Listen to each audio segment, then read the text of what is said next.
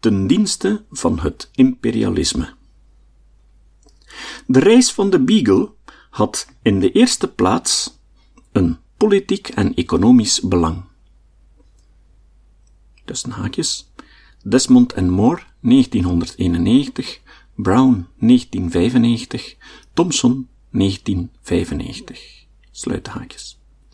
De wetenschappelijke gevolgen van de reis waren door Darwins aanwezigheid uiteraard bijzonder groot, maar het eigenlijke doel was het ondersteunen van het Britse imperialisme. Kapitein Fitzroy was in dienst van de regering. Het was zijn opdracht de plaatsen die de Beagle aandeed nauwkeurig in kaart te brengen, met als oogmerk het verstevigen van de positie van Groot-Brittannië in de concurrentie met andere zeevarende naties, zoals Frankrijk, Spanje, Portugal en de Verenigde Staten. Het kapitalisme en de groei van het industrialisme vereisten nieuwe grondstoffen, die men wilde halen uit onontwikkelde landen. Reizen zoals die van de Beagle vergroten de kennis over de handelsroutes, aanlegplaatsen en grondstoffen en zorgden voor het onderhoud van de contracten met plaatselijke Britse nederzettingen en handelsposten.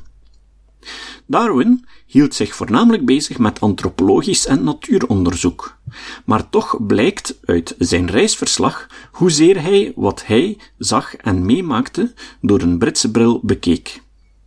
Strikt wetenschappelijk gezien ging zijn interesse alleen uit naar het vergroten van de wetenschappelijke kennis, maar vanuit een breder perspectief leverde hij zijn bijdrage tot een grotere controle over de natuur in functie van de politieke, militaire en economische motieven van het Britse imperialisme.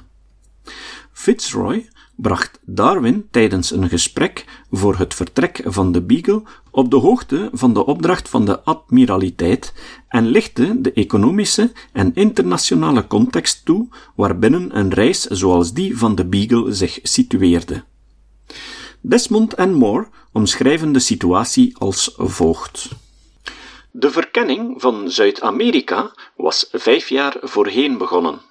Het continent was ideaal voor handel. Een uitgebreide markt voor afgewerkte producten en een voorraadplaats van grondstoffen.